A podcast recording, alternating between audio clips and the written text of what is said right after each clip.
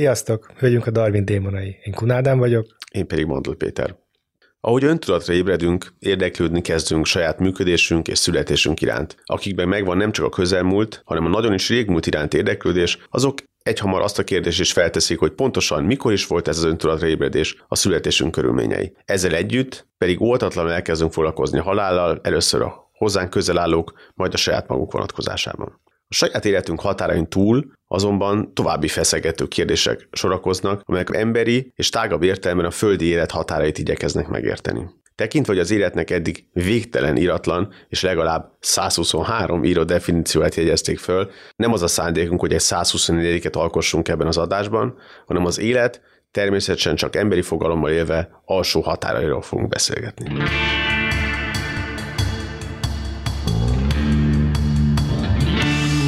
Azt tudom mondani, hogy biológustól vannak dolgok, amiket nem illendő megkérdezni. Ezek között az, hogy mi a definíció a génnek, mi a definíció a fajnak, mi a definíció az egyednek, és ezek között van az is, hogy mi a definíció az életnek. Tehát hogy van ez? Hát nyilván erről volt számtalan konszenzus, konferencia, találkozás.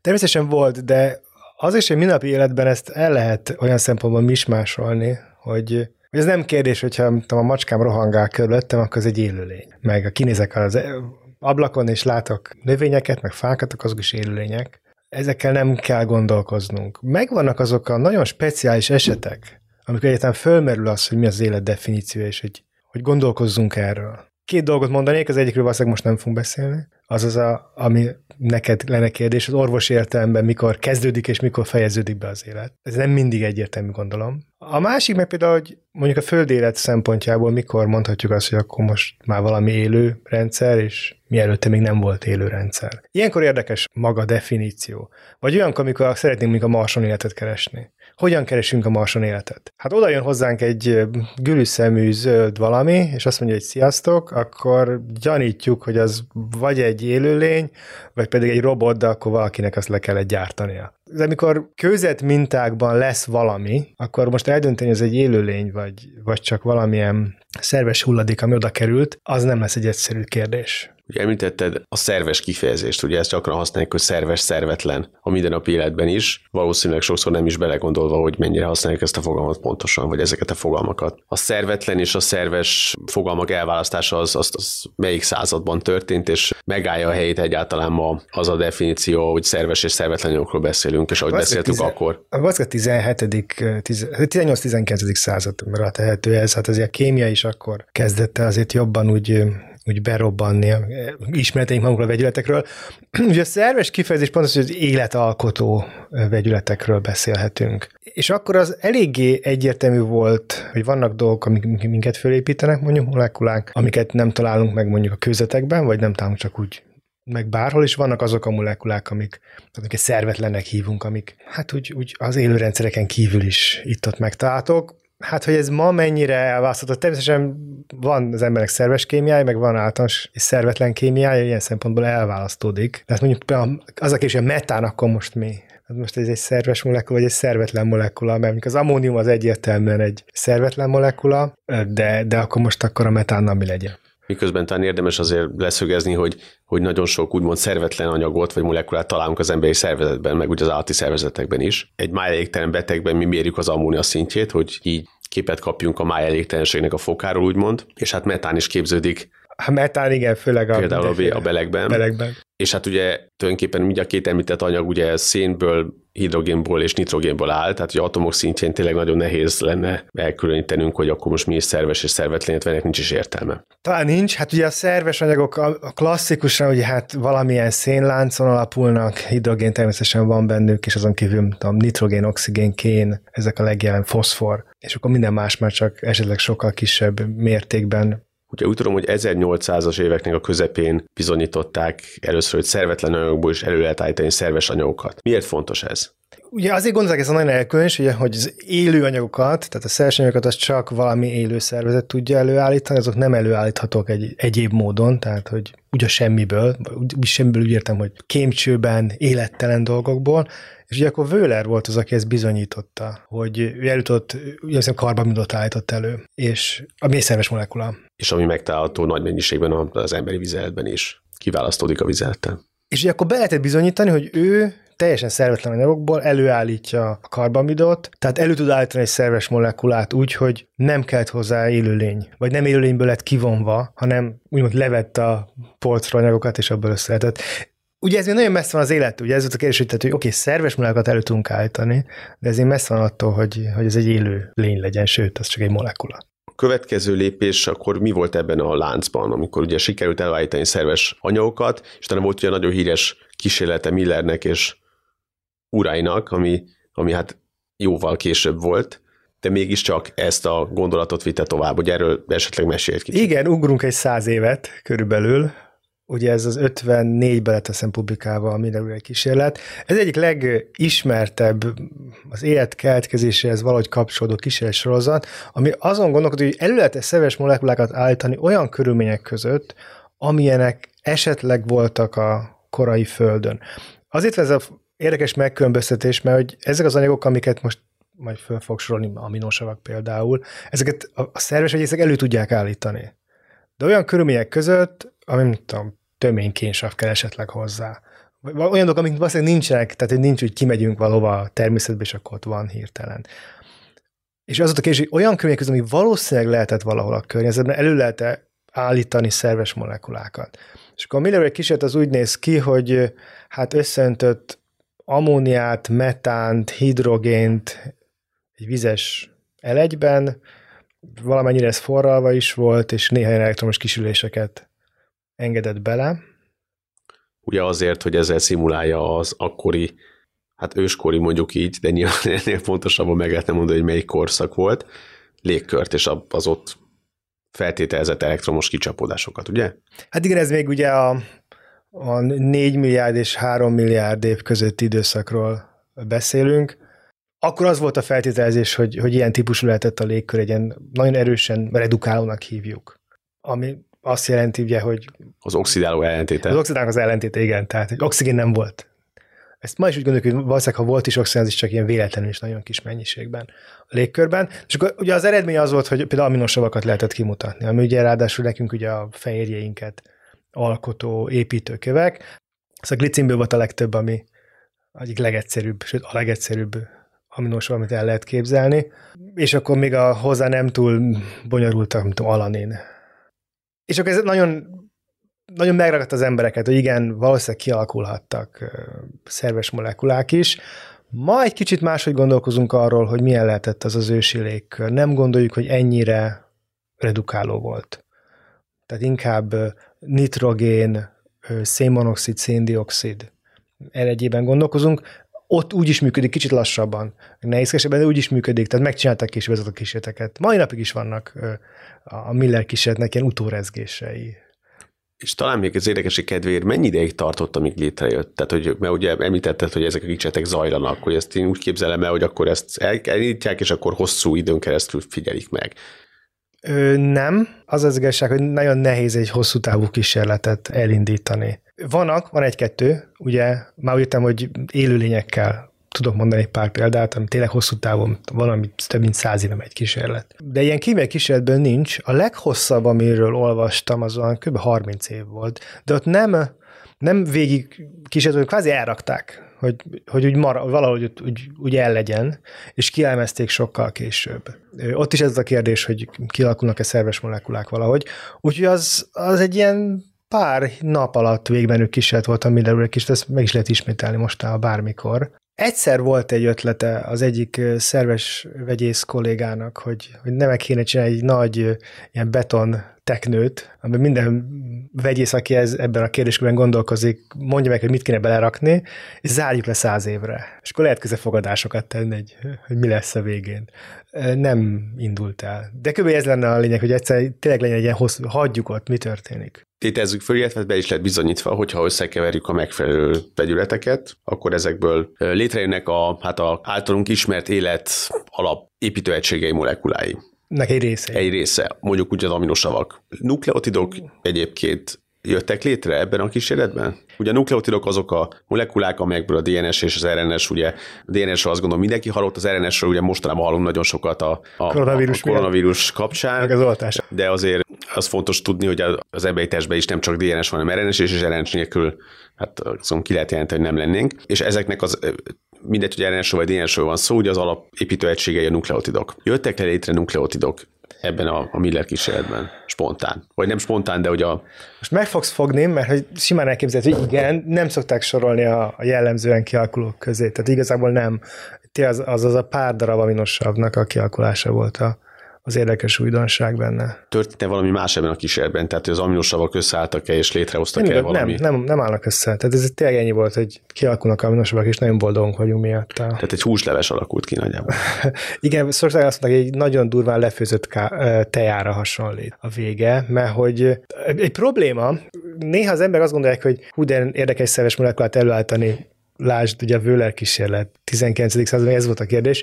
Ma inkább úgy vagyunk, hogy nem az a kérdés, hogy előállnak-e szerves molekulák, hanem valahol a, a kátrány és a, a nem szerves molekulák között van az élet. A kátrány az egy ilyen, hát dzsuva, egy nagyon nagy polimer, amivel semmit nem lehet kezdeni. A polimer az ugye ugyanak a molekulának Igen, a, tehát ez egy sok... összerakott lánca. Most nagyon rossz lesz az analógia, de most gondoljunk egy PVC-re egy, egy, ez egy műanyag, és abból lehet ugye egy ilyen padlót le csinálni. Ez lényegben egy molekula, csak egy nagyon nagy. És valami hasonló a kátrány, hát nem teljesen máshogy néz ki, de úgy értem, hogy valami ilyesmi, és nagyon sokszor arra fele mennek a reakciók. Tehát nem, nem lesznek értelmes szerves molekulánk, amik az élethez kénének, hanem egy ilyen inert dzsuva lesz. Semmit, ne, semmit nem lehet vele kezdeni. Ha már a, említetted a, az inert, vagyis hát kvázi nem élő anyagot, ugye nagyon érdekes, hogy hogy gondolkodtak erről a, az életről a, még korábban, ugye a 17. században ahol ugye nagyon érdekes megfigyeléseket végeztek, sőt még sokkal korábban is, amikor azt feltételezték, hogy a, például a legyek és a lédlárvák azok a húsban úgy spontán képződnek, ugye ezt nevezték spontán generáció is, vagy például egy másik megfigyelés volt, hogy ha, ha búzát tároltak, akkor ott megjelentek az egerek. Ugye ma már tudjuk, hogy ez miért történik. Megeszik. Mindkét esetben, de abban az időben azt gondolták, hogy a tegérek azok akkor búzában keretkeznek, és a, a húslegyek, vagy a lárváik pedig a, pedig a húsban, és ez nagyon sokáig állt ez a spontán generáció elmélete, ez sokáig nagyon elfogott, elfogott és kedvelt ötlet volt, amíg aztán, amíg aztán egyébként szintén kísérletes módon sikerült bizonyítani ennek, a, ennek az ellentétét. Már hogy légylárvák nem, ha elzárok egy nem, igen, bármit, tehát, hogy, akkor hogy, húst, hogy, akkor nem lesz belőle. Ha ezeket, légy, ez egy idő után sikerült ugye ezeket, hát ha nem is a mai fogalmaink éves steril módon lezárni, mondjuk egy darab hús, de akkor ugye ott nem kell. Tehát, hogyha nem, nem örpült oda egy légy, akkor abból nem lett egy, nem lett egy lárva.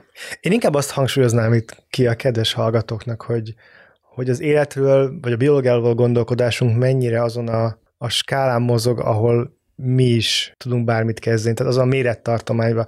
A legyet azt látjuk, a légylárvákat is láthatjuk, mert lehet velük ugye pacázni, de hogy mikor azokat, azokat a tojásokat még nem. Vagy nem olyan egyszerű látni őket.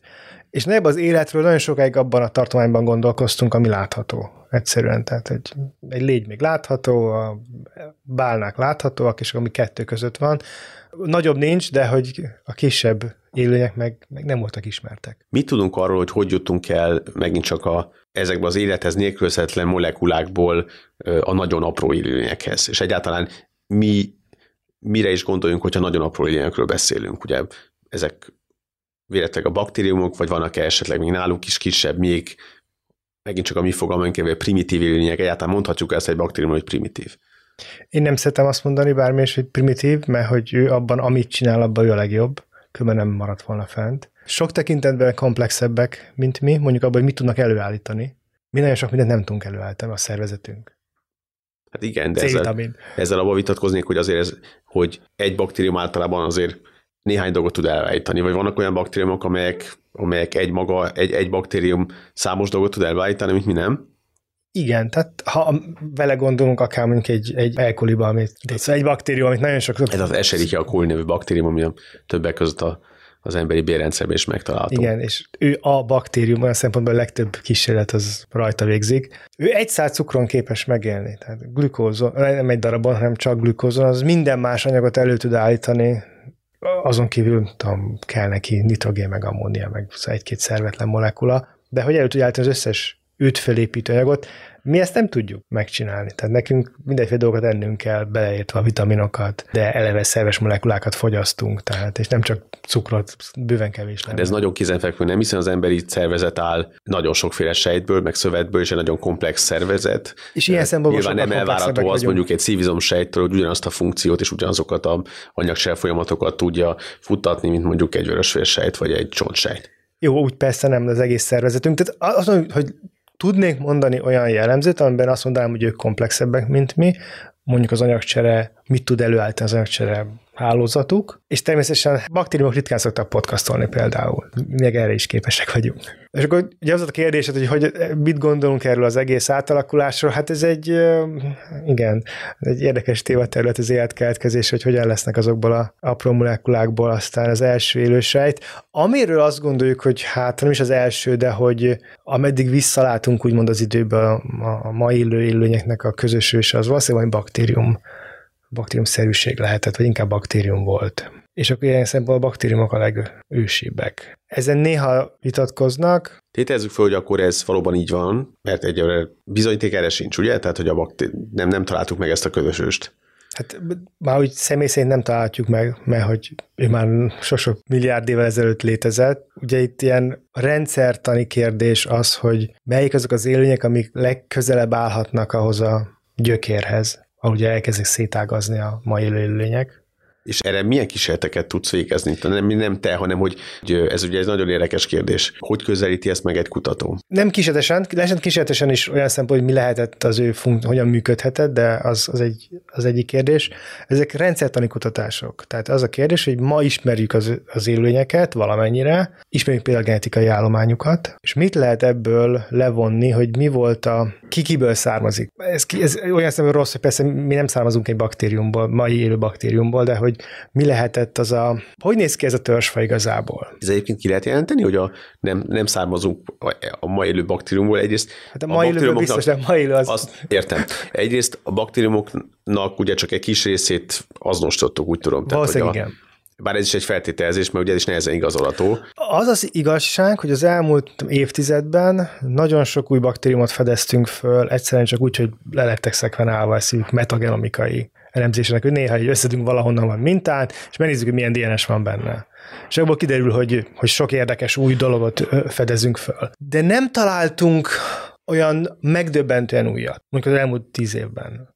Tehát úgy hogy valami új olyan élőnyt, ami, aminek semmi rokona, vagy, vagy bármi hasonló ne lenne. Vagy mindegyik idővel betagozódik valami ismertebb csoport környékére, vagy csoportba. Úgy tudom, hogy néhány évtized ezelőtt azért egy egész új csoportot fedeztünk föl, amit ősbaktériumoknak neveztek, ugye ezt a kifejezést ezt ma már nem használják, hanem őket egyszerűen csak ősnek nevezzük, ugye ők az arhék, de nem arhé baktériumok. A arról volt szó, hogy őket egyszerűen csak baktériumnak tekintették. Ismertek egy párat, úgy, mint élőlényt. De mindenki megmondja, hogy egyszerűen csak baktériumok, és ugye a, a karvőz riboszomális rns alapján. A riboszóma az egy sejt organellum, ami abban játszik hát alapvető szerepet, hogy a, a DNS-ből, illetve ott esetben az RNS-ből hogyan transzlálódik az a tudás, ami abban a, ebben, ezekben a polinukleotidokban van, fehérjévé. A fehérje szintétisnek egy, az RNS és a DNS olvasásnak egy alapvető molekulái ők, amik szintén RNS-ek egyébként. És ugye azért azt használják nagyon sokszor a rendszertanban, mert minden élőlényben van riboszomális RNS.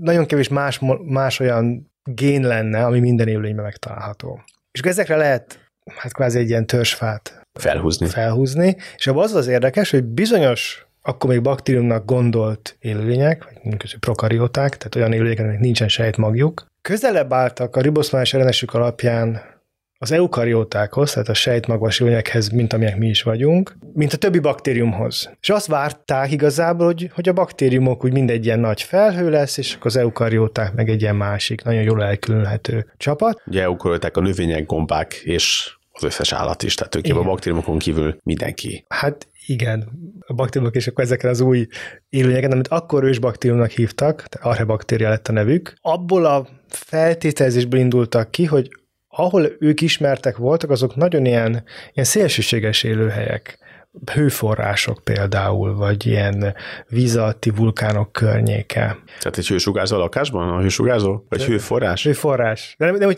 igen. Vagy a kazán?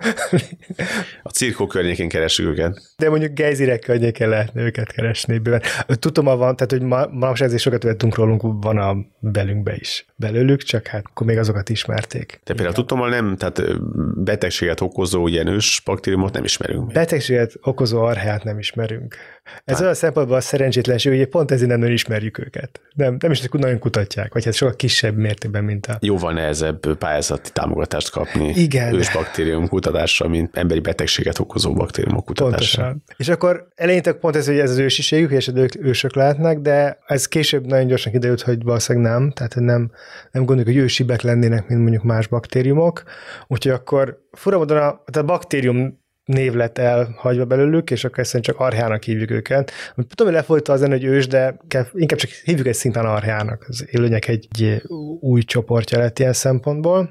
És azóta azért nem, nem fedeztünk föl ilyen nagy csoportosításban újat. Tehát most vannak a baktériumok, az archeák és az eukarióták, ez a három nagy csoportja az élőknek. Amiket nem nevezhetünk törzsnek, hanem ez egy még sokkal nagyobb kategória. Igen, ezt ugye? domainnek hívják. A linéi rendszertan, vagy a törzs, az akkor még persze linéi nem, de nem voltak törzsek, de mik az, azt szoktuk tanulni. Manapság azért, hogy a királyságokat is tanítják, akár gimnáziumban is. Gombák, gombák. Gombák, állatok, növények, de hogy igazából abból is már többnek kéne lenni, és nem vagyok annyira híve már ezeknek a kategóriáknak. De ők nem, nem kisebbek, vagy nem egyszerűbbek, mint, mint, mint a baktériumok, úgyhogy nem Mond- vezetnek ehhez közelebb. Mondtad, hogy a baktériumoknak nincsen sejtmagja, akkor hogy nekik DNS-ük sincs? DNS-ük van, de az a sejt plazmában helyezkedik el, nem egy külön elhatárolt helyen, mint nálunk. De akkor azt mégiscsak tekinthetjük egy előrelépésnek, ugye, hogy ezeket a folyamatokat szeparáltuk. Sejtben sok mindenről lehet beszélni nyilván a sejtek kapcsán, de ugye egy, de egy alapvető lényeges faktor az, hogy a sejtben elkülönülve zajlanak, anyagcsere folyamatok, és ennek a, az a módja, hogy különböző membránokkal lehatárolt organelmokban, sejt szervecskékben zajlanak úgymond a fontos dolgok, és ugye a sejt maga az, ahol a- a DNS található egy emberi sejtbe, vagy állati sejtbe, és ez egy külön sejtmembránnal, a mag membránjával, nukleáris membránnal körülhatárolt rész. Míg a baktériumoknál ez láthatólag nem szükséges. Nincs náluk, vagy hát zömében nincs náluk. Ugye az emberi sejtekben, vagy az állati sejtekben is ugye ez azért is lényeges, mert a DNS-ről először egy RNS kópia fog íródni, az jut ki majd a magból, és az fog áttranszlálódni fehérjévé. Igen, ezt azért fontos hangsúlyozni, vagy emberes oltásokkal kapcsolatban mindig felmerül, hogy akkor az nem tudom, esetleg génmódosítana, és akkor itt van az a kulcspont, hogy ezek az eredesek nem jutnak be a sejtmagba. Ezek a sejtmagon kívül lesznek, ott lehet belőlük fehérje, tehát azokat a tüskefehérjéket elő lehet állítani, amik aztán majd kiváltják az immunválaszt, de a mi genetikai állományunkhoz közel se kerülnek ezek az RNS-ek, mert hogy azok a sejtmembránon belül szépen el vannak zárva. Ugye az is fel, ez azt is feltételez, és így is van, hogy a magon belül például nincsen transzláció, tehát nem, Nincs. nincs átírás. Míg a baktériumnál akkor ezek szerint a plazmában ott lebeg a DNS, és akkor Átírás van, transzláció nincs. átfordítás nincs valóban, és akkor a baktériumon, baktériumnál látható, hogy ez nem okoz gondot. Vagy a, a nem okoz prokariótáknál. gondot. Prokariótáknál nem, nem okoz gondot. Hát így más egy kicsit a rendszerük. Nekik nincsenek belső membránjaik alapvetően, az a jellemző állapot, ezért máshogy kell elválasztaniuk a, az anyagcsere folyamataikat. Az egyik például az, hogy nagyon sok mindent a sejten kívül végeznek, például emésztésnek egy részét. Vagy magán a membránon. Nekik utána nincsen sejtfaluk, vagy De sejtvaluk az általában van. mint, a mint ahogy a növényeknek is van, ugye nekünk nincs. Nekünk nincs. nekünk egy membrán, Mi ebben igazából különlegesek vagyunk eléggé az élővilágban, hogy nincs sejtfala a sejtjeinknek. Miért jó a sejt? Miért kell a sejtfal? Mire jó? Nekik, tehát a baktériumoknak egyrészt például alakot ad. Kevesebb sejt vázuk van. Nekünk ugye a sejtjeink alakját nagyon sokszor maga a benne citoszkátonak, mint a sejt váznak hívjuk, vagy adja, baktériumoknál sokszor maga a fal fogja Hogy csak az érthetőség kedvéért, a citoszkeleton ugye a sejten belül ilyen nagy csöves hálózatokat képzeljünk el, amelyek valóban adnak a sejtnek egy olyan strukturális szilárdságot, ami megakadályozza, hogy a sejt teljesen összelapuljon. Ez persze egy dinamikus rendszer, tehát ezek a csövecskék folyamatosan egymásba alakulnak, de ha jól tudom, például egy, egy növényi sejtre benne erre nincs így szükség, nem? Mert annak van egy sejtfala, ami egy merev külső váz. Szóval a sziszoszkátorra van még szükségük, mert sok minden mást is csinál, a belső transportot például, de mondjuk állábakat nem fognak zömében a növényi sejtek képezni. Nem, nem működnek amőbaként. A sejtfaj nem akadályozza őket, mert ugye a mi sejtmembránunk, ez a kettős lipidrétegként kell elképzelni, tehát azt jelenti, hogy egy két rétegű lipidekből, tehát zsírokból álló réteg, amelyekben még fehérjék is vannak, ehhez kapcsolódnak külső receptorok, ezben transporterek vannak, és ez ugye alapvető, hogy ezen a membrán keresztül zajlik egy kommunikáció a sejtnek a környezetével. Ki is mennek anyagok, be és jönnek anyagok. Ez minden sejt így igaz. Vannak-e olyan egysejtőek, amelyek nem illeszthetők be ebbe az archea baktérium eukariota rendszerben? Tudtam, hogy mindiket beillesztjük ebbe a rendszerbe. Jó, akkor vannak olyanok, amelyekről nem nehezen tudjuk eldönteni, melyik doménba tartozik. Átmeneti élőlény. Parakarion, Mioinensis nevű élőlényre gondolok. Úgy az, a, tehát az az igazság, hogy amikor felmerül az a kérdés, hogy valamelyik élőlény hova tartozik, akkor a válasz az, hogy fogjuk a riboszmális RNS-ét, és megnézzük, hogy melyik ez áll közel. És ez a, ez a pont, tehát hogy ezzel. Most az élőlények egy jó részéről persze nem tudjuk, hogy néz ki a riboszmális rns nem tudjuk leszekvenálni, az ki kéne valahogy azt a sejt, kéne vagy szerezni a genetikai állományát. Bizonyos élőlényeket onnan ismerünk, hogy mikroszkóp alatt megnéztük. Mostában azért ez a mikroszkópok, mikroszkópok alapvetően, tehát egy még kisebb sejteket, meg kisebb részteket tudjunk, és ez a, ez a parakarion nevezetű élőlényt, ezt japán tudósok találták meg mikroszkópos felvételem, és olyan, mintha nem lenne sejt magja, de amúgy eukariótának tűnik több minden más jellemzőből. Tehát közelben az eukar, a sejtmaggal rendelkező ilyenkez, mint egy baktérium? Látszatra igen, ráadásul úgy tűnik, mintha lennének benne baktériumok, ilyen, ilyen belső szimbiontaként, vagy parazitaként, ezt nehéz megmondani egy képről, hogy akkor ők mi, mi van benne baktérium. Az a gondom ezzel az egésszel, hogy, hogy ugye pontosan nem tudjuk a DNS-ét, hogy milyen, meg a riboszomális RNS-ét, hogy milyen, azt, azt nagyon kéne tudni. Illetve van legalább egyszer újra megnézték a felvételeket, ez most a feltételt úgy kell elképzelni, hogy némen háromdimenziós képet is kapnak róla, mert nagyon sok réteget néznek meg. És legalább az egyiknél lehetett tudni, hogy valószínűleg ez a sejt ki van pukkadva. És, és azért van benne baktérium, hogy már nem egy, nem egy létező egységes sejt, hanem némen törmelék. És akkor ezután ez egy kicsit kérdéses, hogy, hogy van-e ilyen sejt, vagy ez mindig valami műtermék. De szokás azt is mondani, hogy a baktériumok nélkül nem léteznénk mi emberek. Ez nagyon nagy paradigmának tűnik, annak kapcsán is, amiről már beszéltünk, hogy véletlenül az első ős lény minden származunk baktérium lehetett, de ugye annak kapcsán is, hogy a, az emberi szervezet működéséhez is kellnek baktériumok, hogy a bélrendszerünk az nem tudna működni baktériumok nélkül, és a baktériumok, a bennünk található baktériumok tömege is hatalmas, az egyetszám, vagy a fajgazdagság is. Hát ugye erre mondják, hogy egy új szervként tekintenek a Igen. mikrobiomra ha még ennél is korábbra visszamegyünk a, a tényleg a sejtes élet kezdetére, akkor a baktériumoknak egy egészen más szerepéről is beszélünk kell, amire utaltál, hogy ezek az endoszimbionták, olyan sejt organellumok, amelyek úgy tűnik, vagy amiről ma azt gondoljuk, hogy korábban baktériumok lehettek, amelyeket a, a mi sejtjeink valahogy bekebeleztek. Igen, tehát ugye az eukarióta sejtes élet kezdetéhez, legalábbis a létéhez hozzá tartozik, hogy vannak bennünk olyan sejtorganellumok, amelyek valaha önálló illetve is képes baktériumok voltak. A mi sejtjeinkben, tehát mondjuk emberi sejtekben egy ilyen van, a mitokondrium, ami most ugye a energiaháztartásunknak egy kulcs szereplője. Hát lényegében ő állítja elő a sejtek működéséhez szükséges energiát teljes egészében. Hát igen, nagyon-nagyon nagy részét. Glikolízissel lehetne egy pár minimális mennyiségű energiát előállítani, de... Az oxidatív foszforiláció az a, az, a, az, az igazi. zajlik. Ugye a sokkal több energiát állít, tud előállítani egy egységnyi mennyiségű cukorból, mint a glikolízis, ami ez nem kell oxigén. Hogy róluk még gondoljuk, hogy baktériumok egyrésztről, mert nagyon úgy néznek ki, de ez, ez a kisebb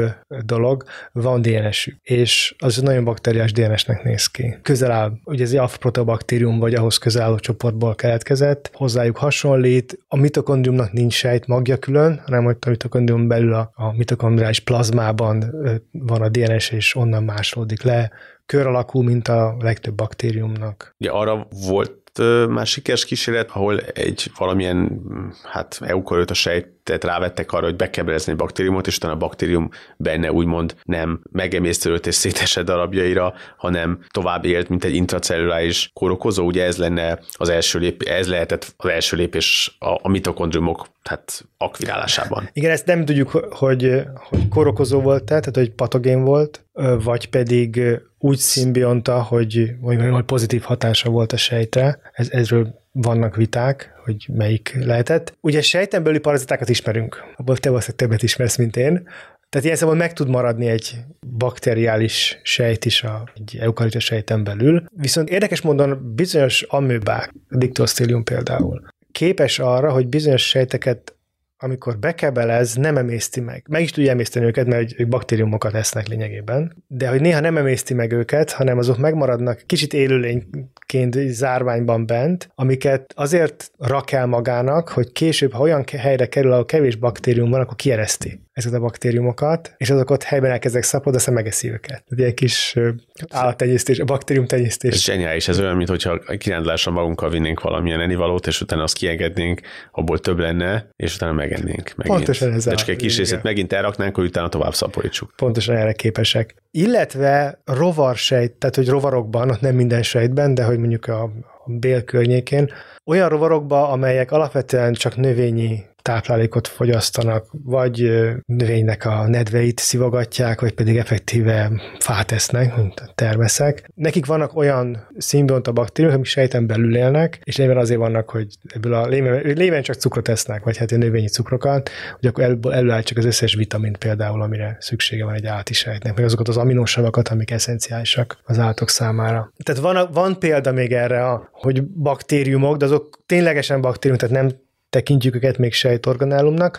A mitokondrium az nem képes önálló életre, az csak a mi sejtjeinken belül létezhet. Itt is sok endoszimbióta csak bennünk létezhet, de még a szempontból függetlenek, hogy ez az anyagcserjük jó, jóval függetlenebb, mint a mitokondriumé. Ugye a növényekben van egy másik endoszimbionta, amelyet úgy hívunk chloroplastis, vagy más néven, vagy magyarul zöld Hát magyarul ugye szintesnek hívnánk. Szintesnek. Azonban, amikor növényre gondolunk, akkor legtöbben ugye szárazföldi növényekre fognak gondolni, amiket így kinézünk és látunk, azokban zöld szintes. Jó, tehát ezt, ettől lesz a növények zöld színe, nem? És ettől lesz a növénynek zöld színe. Hát igen, egész pontosan persze a klorofiltól, de igen. Ők úgynevezett kék alga, vagy hát cianobaktérium, a kék alga kifejezést azért nem szeretjük, mert mert hogy nem biztos, hogy valaki tudja, hogy ez egy baktérium. Ez egy cianobaktérium eredetű, ez a sejtorganellum ugyanúgy van DNS-e, és ők képesek fotoszintetizálni. Ilyen organellum bennünk nincs, mi nem tudunk fotoszintetizálni, az átok nem tudnak, de a élőlények igen nagy része különben képes rá. Tehát több élőlény képes volt. rá, mint amennyire. Hát itt darabra, most az eukariotákon belül azért nehéz mondani darabra bármit, mert a legtöbb ismert faj az rovar, és azok nem képesek rá. De hogyha úgy nagyobb csoportokat nézzünk, akkor a legtöbb nagyobb csoportban találunk fotoszintetikusat, kivéve az átok, meg a környéken, átok, gombák, amőbák, ott nem, de mindenhol más megtalálunk azért. És ugye ez a kettő nem kizárólagos, tehát ahol olyan nagyon sok olyan lényben van zöld szintest is, és mitokondrium is. Ez sőt, már hogy ahol van zöld szintest, ott biztos, hogy van mitokondrium is, mert azok eukarióták. Lényegében azt gondoljuk, hogy minden eukarióta sejtben van mitokondrium, ha nincs, akkor valahogy az elveszett, de eddig egyetlen egy olyan élőlémes nevét nem fogom tudni, ami megint csak ilyen képen ismerünk, ahol az a gyanú, hogy ténylegesen nincs semmi mitokondrium vagy mitokondriumnak megfelelő sejtszerv. Az összes többiben, ahol nem találunk mitokondriumot, mert nem találunk benne, ott viszont találunk olyan sejtszervet, ami mitokondriumnak egy változata igazából, csak már mondjuk nem, azt már nem tudja, mint egy mitokondrium, hogy energiát állít elő, hanem mondjuk hidrogenoszóma, ugye hidrogént állít elő, vagy vannak azért mitoszómák. Azok lényegében már csak ilyen vaskénfehérjék összeállításában vesznek részt. Mint bizonyos olyan molekuláris folyamatokban, amire különben a mitokondrium is részt vesz nálunk, de már mondjuk elvesztik a DNS-üket. Ilyen nagyon redukálódott sejt alkotók még vannak. Azokról is ki lehet mutatni, azok régen mitokondriumok voltak, csak redukálódtak. Olyan élőlényekben vannak, amik általában a belső parazitái valamilyen annál bonyolultabb élőlénynek, és túl sok energiára nincs szükség, meg, meg kajában úsznak. Most már elég sokat beszéltünk a baktériumokról, amiket akkor most tisztázunk még egyszer, tehát nincsen sejtmagjuk, és igazából nincsenek belső kis membránál elhatárolt sejtszervecskéik, mint az endoplazmás retikulum, a Golgi apparátus, vezikuláik. De ugye mégis van egy, egy mint megtudtuk, egy sejtmembránunk, és sok esetben sejtfaluk, tehát mégiscsak elhatároltak vagy a környezetüktől. Ugye, ha megint csak próbálunk visszamenni ahhoz a, az alaphelyzethez, hogy valahogy létrejöttek ezek a, az élethez szükséges molekulák, aminosavak, esetleg nukleotidok, hogy lett ebből mégis baktérium?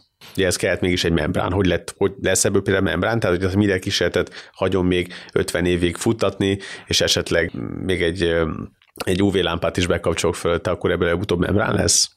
Hát, adok hozzá zsírokat mondjuk. Hát ha, igen, ha adunk hozzá zsírokat, akkor abba akár lehetnek is membránok. Azért a zsíroknak van az a jó tulajdonság, hogy vizes közegben összeállnak ilyen zsírcsepekké. A zsírcsepp az még persze zsírcsepp, de bizonyos körülmények között ezek a úgy hívjuk lipid molekulák összeállnak lényegében olyan kettős rétegé, mint ami a mi membránjaink. Ugye tegyük hozzá, hogy azért állnak hozzá, mert ugye van egy, egy, egy olyan részük, ami a vizet taszítja, és akkor úgy beállnak olyan szerkezetbe, hogy a vizet taszító részek befele néznek, és akkor ezek kis gömböt fog alkotni. Igen. A, a másik hívnánk, részük pedig a vizet szereti. Ezeket hívnánk micának, amikor csak befele ezek a hidro, vizet taszító, vagy Lipofil hidrofób. és lipofób. Vagy hidrofil és hidrofób. Igen, tehát a hidrofób rész lesz belül, a hidrofil rész lesz kívül, de most, hogyha nekünk ugye a kettős membrán úgy néz ki, hogy hogy belülre is egy hidrofil, meg kívülre is egy hidrofil rész van. És Hiszen mind a két oldalon víz van. Igen. És ilyen, ezek vezikulákat is alkothatnak, tehát ezek is kialakulnak, sőt, ezekbe bizonyos körülmények között akkor így bekerülnek a, bekerülhetnek RNS molekulák. Tehát ma, ma már vannak ilyen, ilyen kísérletesen alátámasztott dolgok, hogy kialakulhatnak olyan vezikulák, úgyhogy csak hozzáadok egy kémcsőhöz lényegében lipidmolekulákat, meg RNS molekulát, akkor összeáll egy olyan, ami hát nem hívom sejtnek, de hogy van egy vezikula, amiben mondjuk RNS van. Itt tegyük hozzá, hogy a gyógyításban is nagy szerepe van, hiszen ez egy módja annak, hogy bejutassunk például RNS-t a sejtbe, hiszen ugye nagyon sok olyan enzim van, a, sőt a legtöbb komplex szervezetben nagyon sok enzim van, ami az RNS lebontásában játszik alapvető szerepet, hiszen ennélkül de nagyon ki lennénk téve még több RNS általi támadásnak, ugye lásd meg vírusok, és például egy ilyen zsírburokba bezárni az RNS-t ugye azért jó, mert akkor kvázi izolálva van egy kicsit ezektől a RNS lebontó molekuláktól. Meg gondolom, akkor a, vagy át kell jutni az emésztőrendszerünkön is. Ha szájon át veszük be, és Így nem van. befecskendezik. Tehát biztos, hogy egyszer kialakult ez a ez az elhatárolódás, ez, ez különböző egyéb oknál fogva is fontos, hogy elhatárolódjon a környezetétől, nem csak azért, hogy a kint-bent mások mondjuk a, a koncentráció viszonyok, információ fenntartásban is ez speciál, amivel mi is foglalkozunk, hogy a napi szinten kutatás, hogy miért kell bezárni valamit egységbe, és ne engedjük, hogy a DNS-e jobbra-balra mászkáljon, vagy az rns -e, attól függ. Úgyhogy mindenképpen gondoljuk, hogy egy, egy ilyen fázisnak kell történni. Ma legalábbis az a fősodor, amit talán én is tartozok, úgy gondolom, hogy ez viszonylag kései lépés volt. Tehát azt mondja, az utolsó lépés az, az élőlények kialakulásának, hogy megkapják a membránjukat. És akkor, amikor már membrán van zárva egy anyagcsere és az információ hordozó molekula, akkor azt már egy sejtnek tekintjük. És tulajdonképpen az élet definíciójának is a mi emberi, vagy úgymond sejti fogalmainkkal élve. Igen, és az élet definíciója, ráadásul amit mi itthon elfogadunk a legjobb élet definíciónak, az Gánti Tibor nevéhez kötődik, aki a 70-es évek végén alkotja meg. Akkor ezt magyarul, magyarul publikálta. A 2000-es évek elején ezek megjelentek angolul is, tehát ma már azért terjed a, a világban is ez a nézet, hogy ez egy jó életdefiníció. Aki azt mondja, hogy legyen elkülönülve a környezetétől, ami nekünk ugye a sejtmembránnal történik meg, legyen valami információ a saját felépítéséről, Nekünk ugye a DNS-ünkben van tárolva ez az információ, és képes legyen az anyagait előállítani, és megtartani, tudjunk homeosztázis, az, ami a saját Egyensúly. Egyensúlya, tehát hogy ne bumoljunk szét. Ha, ha van ilyen anyagcseré, tehát van anyagcseré, van információ, és elhatárolódik a környezetétől, akkor azt fogjuk tekinteni élőnek. Ez miben volt előlépés az előtt, előtte lévő életfogalmakhoz képest? Az előtte levő élő, nagyon sokszor jelenségekre, tehát mondjuk mozgás, amire akkor megint szegény növényeket úgy néha gondolkozunk, hogy tudnak-e vagy nem tudnak, mi van velük, vagy olyanokra, mint egy szaporodás. Ami meg egy olyan kérdés, hogy persze az élőlények képesek szaporodni, csak ez a kérdés, hogy tudunk-e mondani olyan nem élőlényt, ami képes szaporodni. Hát itt volt az a nagyon híres, hát nem is tudom, gondolatkísérlet, hogy hogyha a szaporodást obligát tényezőnek tekintjük, akkor ugye két macska az, az élőlény, de ugye egy macska, aki teljesen egyedül van, nem képes szaporodni, legalábbis tudtam, hogy a macskák nem képesek szexuális módon szaporodni, vagy partenogenezésre. De az Azt kell mondom, hogy hál' Istennek, meg különben még kevesebb énekes madár jönne Magyarországon. De akkor ugye, ha a szaporodást tekintenénk egy ilyen obligát kritériumnak, akkor ugye egy macskát nem nevezhetnénk élőlénynek, vagy egy nyulat. Igen, ezt, ezt nagyon sokan elfelejtik, amikor arról szól, hogy szaporodás, hogy egy baktérium képes magába szaporodni, meg ketté fog válni, meg van, vannak az olyan élőlények, amik képesek önmagukban, ahogy mondtad, partenonetikusan, tehát aszexuálisan szaporodni, de egy olyan kötelezően szexuális faj, mint a macska, meg az ember, meg úgy általában az emlősök, ott ugye az egy egyed az nem szaporodó képes, ha mindig kell az egy pár. Tehát egy két ellenkező nemű élőlény, az már egy ilyen szemben evolúciós egységet is alkot, de már képesek szaporodni, másban nem. Tehát a szapodást nem nevezhetjük életkritériumnak, mert hogy lám, mi is egyetként élőnek tekintjük magunkat, szapod nevünk képesek. A sokkal jellemző például persze az összvér, ami nem képes szaporodni, mert hogy steril, de hát attól hogy még ugyanúgy élőlény, tehát nem az, hogy jaj, te nem vagy élőlény, mert nem tudsz szaporodni. Ugye az összvéről beszéltünk a, az állatok és növények világában található nemek kapcsán. A, viszont van egy másik életkritérium, úgymond, ami, ami nagyon gyakran felmerül, és ez az evolúció képesség. Tehát ugye az evolúció képességet azt nagyon sokszor minden életkritériumban mondjuk a legnehezebb a NASA életkritériumban is benne van. Miért foglalkozik a NASA életkritériumban? A NASA azért foglalkozik életkritériumban, mert persze amiért a pénzét kapja, az manapság nem az, hogy eljussunk a következő csillagig, mert hogy az nagyon messze van, hanem hogy keressünk életet mondjuk a Marson, vagy bárhol máshol mert hogy ő is úgymond a piacról él. Tehát mi ez, mi ez, ami úgy gondolják a döntéshozók, hogy az emberek nem fognak föllázadni, hogyha arra pénzt költenek. Tehát a NASA gyakorlatilag egy, egy NASA elbúvár, elbúvárosodásáról én még nem olvastam sokat, de jó. Van néha, mert egy, néha, néha, mikor úgy gondolják, ez egy veszélyes jelenség. Hogy, hogy kérdés az, hogy mennyi pénzt fog kapni a következők, akkor kell megint egy nagy dobás. Ne felejtsük el, hogy ez az, az űrverseny volt, ami miatt az egész űrkutatás olyan nagyon jól lett finanszírozva a hidegháború háború alatt, mert hogy ez egy presztis kérdés volt a két blokknak, hogy ki fog először ugye műholdat, azt az oroszok nyerték, ki fog először embert, azt is az oroszok nyerték, de először a holdra szállást ugye ezt az amerikaiak húzták be. És azért csak így, ha meg ez, ez hihetetlen, hogy a 60-as években embert küldtünk a holdra, az azóta se. És azóta nem sikerült, igen. Az nem volt rá megint pénz, de, de láthatod, a pénzkérdés. Hiszen a NASA ugye azzal tölti az idejét, hogy értelmetlen ilyen definíciókat alkot. Nem, nagyon fontos volt, mert ugye a kérdés az, hogy találunk-e életet valami máshol, és ahhoz valami kell, valami kapaszkodó, hogy hogyan keressük azt. Az hát például jól tudom, akkor a, az űrhajóknak a falán is találunk baktériumokat, amelyek például túlélnek az űrben. Igen, de azokat olyan körülmények között, viszik. amiket biztos ez. Hogy túlélnek? Nem, hogy a, a földről, csak, csak földről származó baktériumok találhatók például egy űrhajónak a külső felszíne. Hát tudod, valaminek a nem létét bizonyítani, ez lényegben lehetetlen. Amit eddig visszahoztak és megnéztek, hogy mi van a, egy ilyennek a felszínén, azok mindig földi élőlények voltak. Nyilván nem néztek elég alaposan utána. Nagyon nehéz lenne, mert hogyha ha az a keresésnek például a, a módja, hogy DNS-t próbálunk felszaporítani, akkor ugye benne vagyunk abban a definícióban, hogy azt tekintjük élőnek, aminek van DNS-e, amit csak a földének jellemző valószínűleg, hisz nem gondoljuk azt, hogy mindenhol más, és pont ugyanez a molekula lenne az információ hordozó. Van erről bármi hát ötlet, vagy még jobb lenne nyilván valamilyen eredmény, ami, ami ezt alátámasztaná? Hogy létezik-e, most nem is arról beszéljünk, hogy létezik-e nem sejtes élet, ez ugye egy megint egy teljesen másik kérdés. Fogadjuk el, hogy egyelőre nincs erre bizonyíték, de létezik-e DNS vagy RNS-mentes élet? Azt ugye nem találtunk ilyet. Képesek-e fehérjék például úgy, úgy információt hordozni, hogy az a DNS vagy az RNS teszi? Nem tudtunk a... Pedig hát azt gondolom, hogy a fehérjéknek rásul egy nagyon bonyolult, szer, tehát több, több szintű szerkezete van, azt szerint, hogy ugye, hogy a hajlanak van egy, azt hiszem, három szintű, vagy négy szintű? Hát négy, mert mondjuk már a különböző fehérjék egymáshoz hogyan, tehát egy hemoglobinban a különböző alegységek, hogyan egymáshoz már nehédleges szerkezetnek hívjuk. Ha meggondolod, a, a DNS ugye az egy olyan molekula, ahol ugyanazok a részek követik egymás után ugyanolyan szép távolságban, mert különböző, ugye a bázis lesz.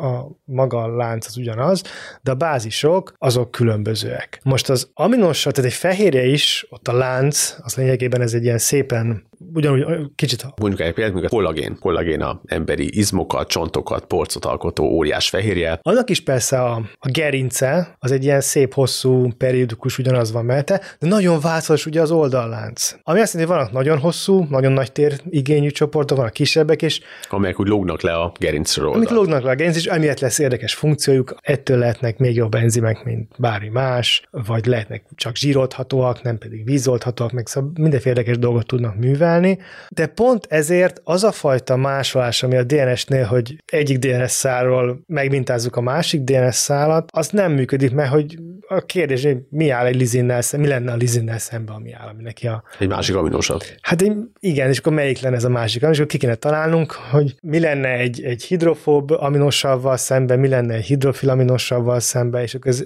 ebből nem nagyon tudnánk kitalálni egy, egy értelmes rendszert jelenleg. Illetve nem arra egyelőre módunk arra, hogy ezt valamivé átírjuk, ugye? Hát jelenleg nem lenne arra sem mondunk, hogy valamire átírjuk. De egy maga mi lenne ez a párosodási mechanizmus, az se kérdés. Szerkezet persze lehet, tehát hogy mik a prionok is ugye a szerkezeti információt örökítik tovább.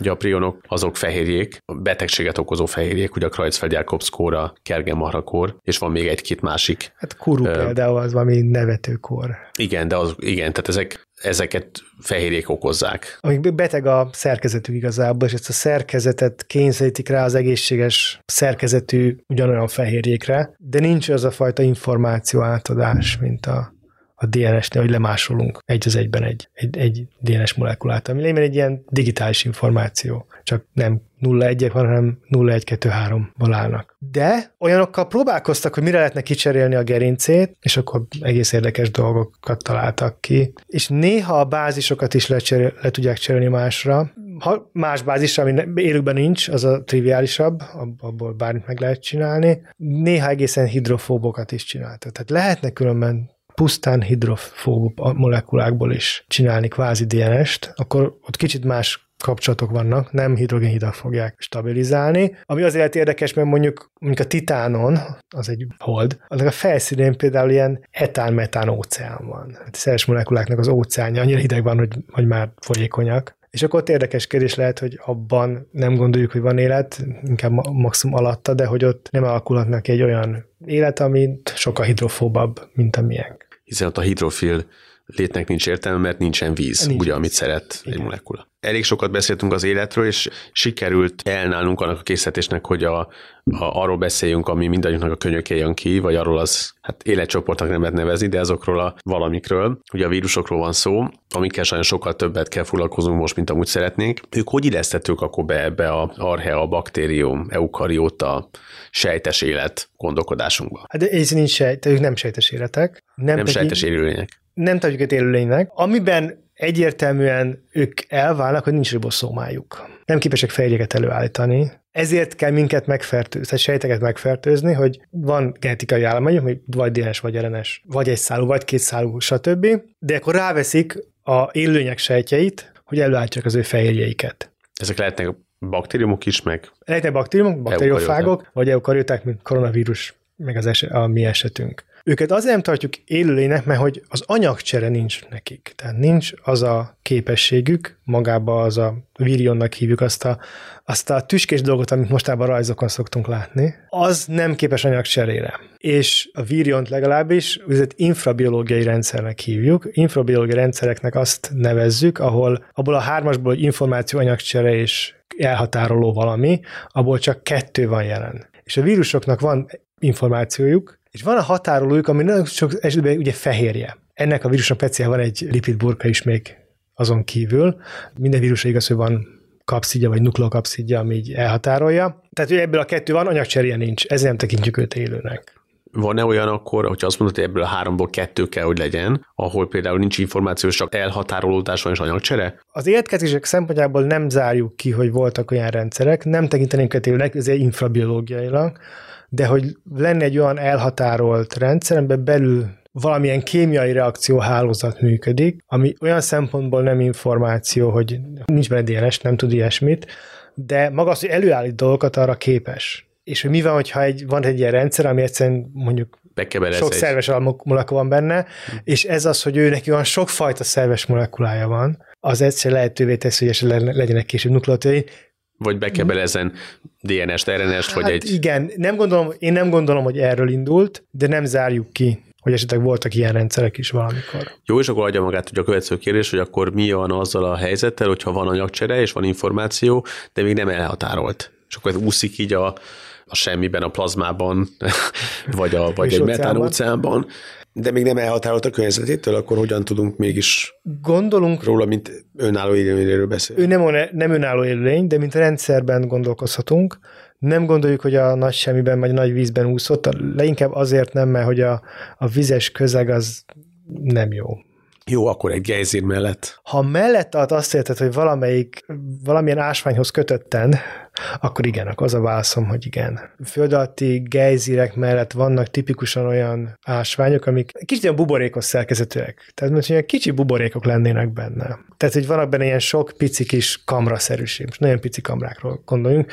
Azonnak a felszínén például el tudjuk ezt képzelni. Olyan rendszerek vannak kvázi kitapadva, amik amiatt, hogy ki vannak tapadva, nem mozognak annyira, mint hogyha csak úgy úsznának a, a víz közepén, ezért mondjuk a, nem megy nagyon messze egymástól a, mondjuk az információ, meg, a, meg az anyagcsere által megtermelt anyag, de nincs igazából teljesen elzárva, mert teljesen ennek nem, nem anyagforgalom. És akkor ez egy olyan élőlény lenne, ami nincs elhatárolva a környezetétől. Találtunk egy ilyet, sikerült egy ilyet azonosítani? Ez nem hívnánk élőlénynek, de valami olyan rendszer, amiből esetleg később lehetne élőlény, amikor majd lesz lipidburgan, nem találtunk ilyen rendszert. Ma azért nehéz ilyenekről bármit mondani, mert ma, ha valahol valami emészhető molekula megjelenik, akkor lesz egy baktérium, ami megzabálja. Vagy ha megjelenne valahol egy csupasz RNS, akkor, akkor az valami szét fogja bontani. Pont. Illetve RNS-t találunk majdnem mindenhol, és nagyon nehéz lenne azt mondani, hogy ez nem szennyezett egy más rns és kimutatni, hogy annak tényleg nincs rns csak anyagcseréje.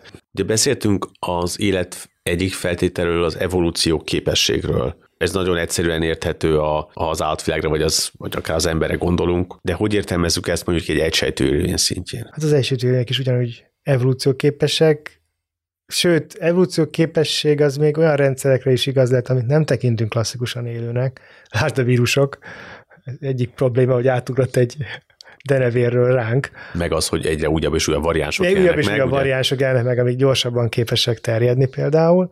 Az evolúció képesség az annyit jelent, hogy képes az információt továbbadni, tehát hogy van öröklődés, képes szaporodni, tehát hogy több lesz belőle, és néha megjelennek változatok, hogy legyen amik között mondjuk szelekció alakul ki. Ha ez a három megvan, tehát a választosság, a szaporodás és az öröklődés, akkor ott van egy evolúciós rendszer, és ez ugyanúgy igaz bármilyen élőlényre, most konkrétan az egysejtőekre, többsejtőekre is, mert információt adunk tovább a következő generációnak a DNS-ünk révén. Van, mert mindig vannak mutációk, mindig van pici változás benne, és hát szaporodni meg szaporodunk, ha nem szaporodnánk, akkor ott vége annak a élőlénynek. És ezek a mutációk, ezek teljesen random mutációk, vagy valami fajta irányítottság van bennük? Ma egyre inkább úgy gondolunk, hogy nincs olyan típusú irányítottság, hogy pontosan meg lehetne mondani, hogy mi lesz a, a mutáció, de hogy nem annyira random, mint ezt gondoltuk mondjuk akár csak 100 vagy tudom, 70 évvel ezelőtt, de ennek a kifejtése azért sokkal hosszabb lenne. De már mutációkról is azért eléggé máshogy gondolkozunk, mint akár csak pár évtizeddel korábban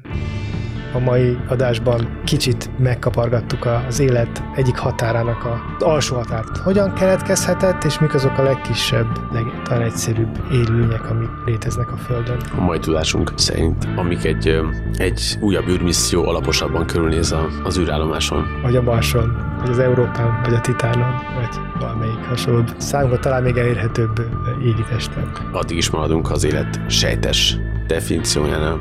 Köszönjük, Darwin démonait hallottátok. Sziasztok! Sziasztok!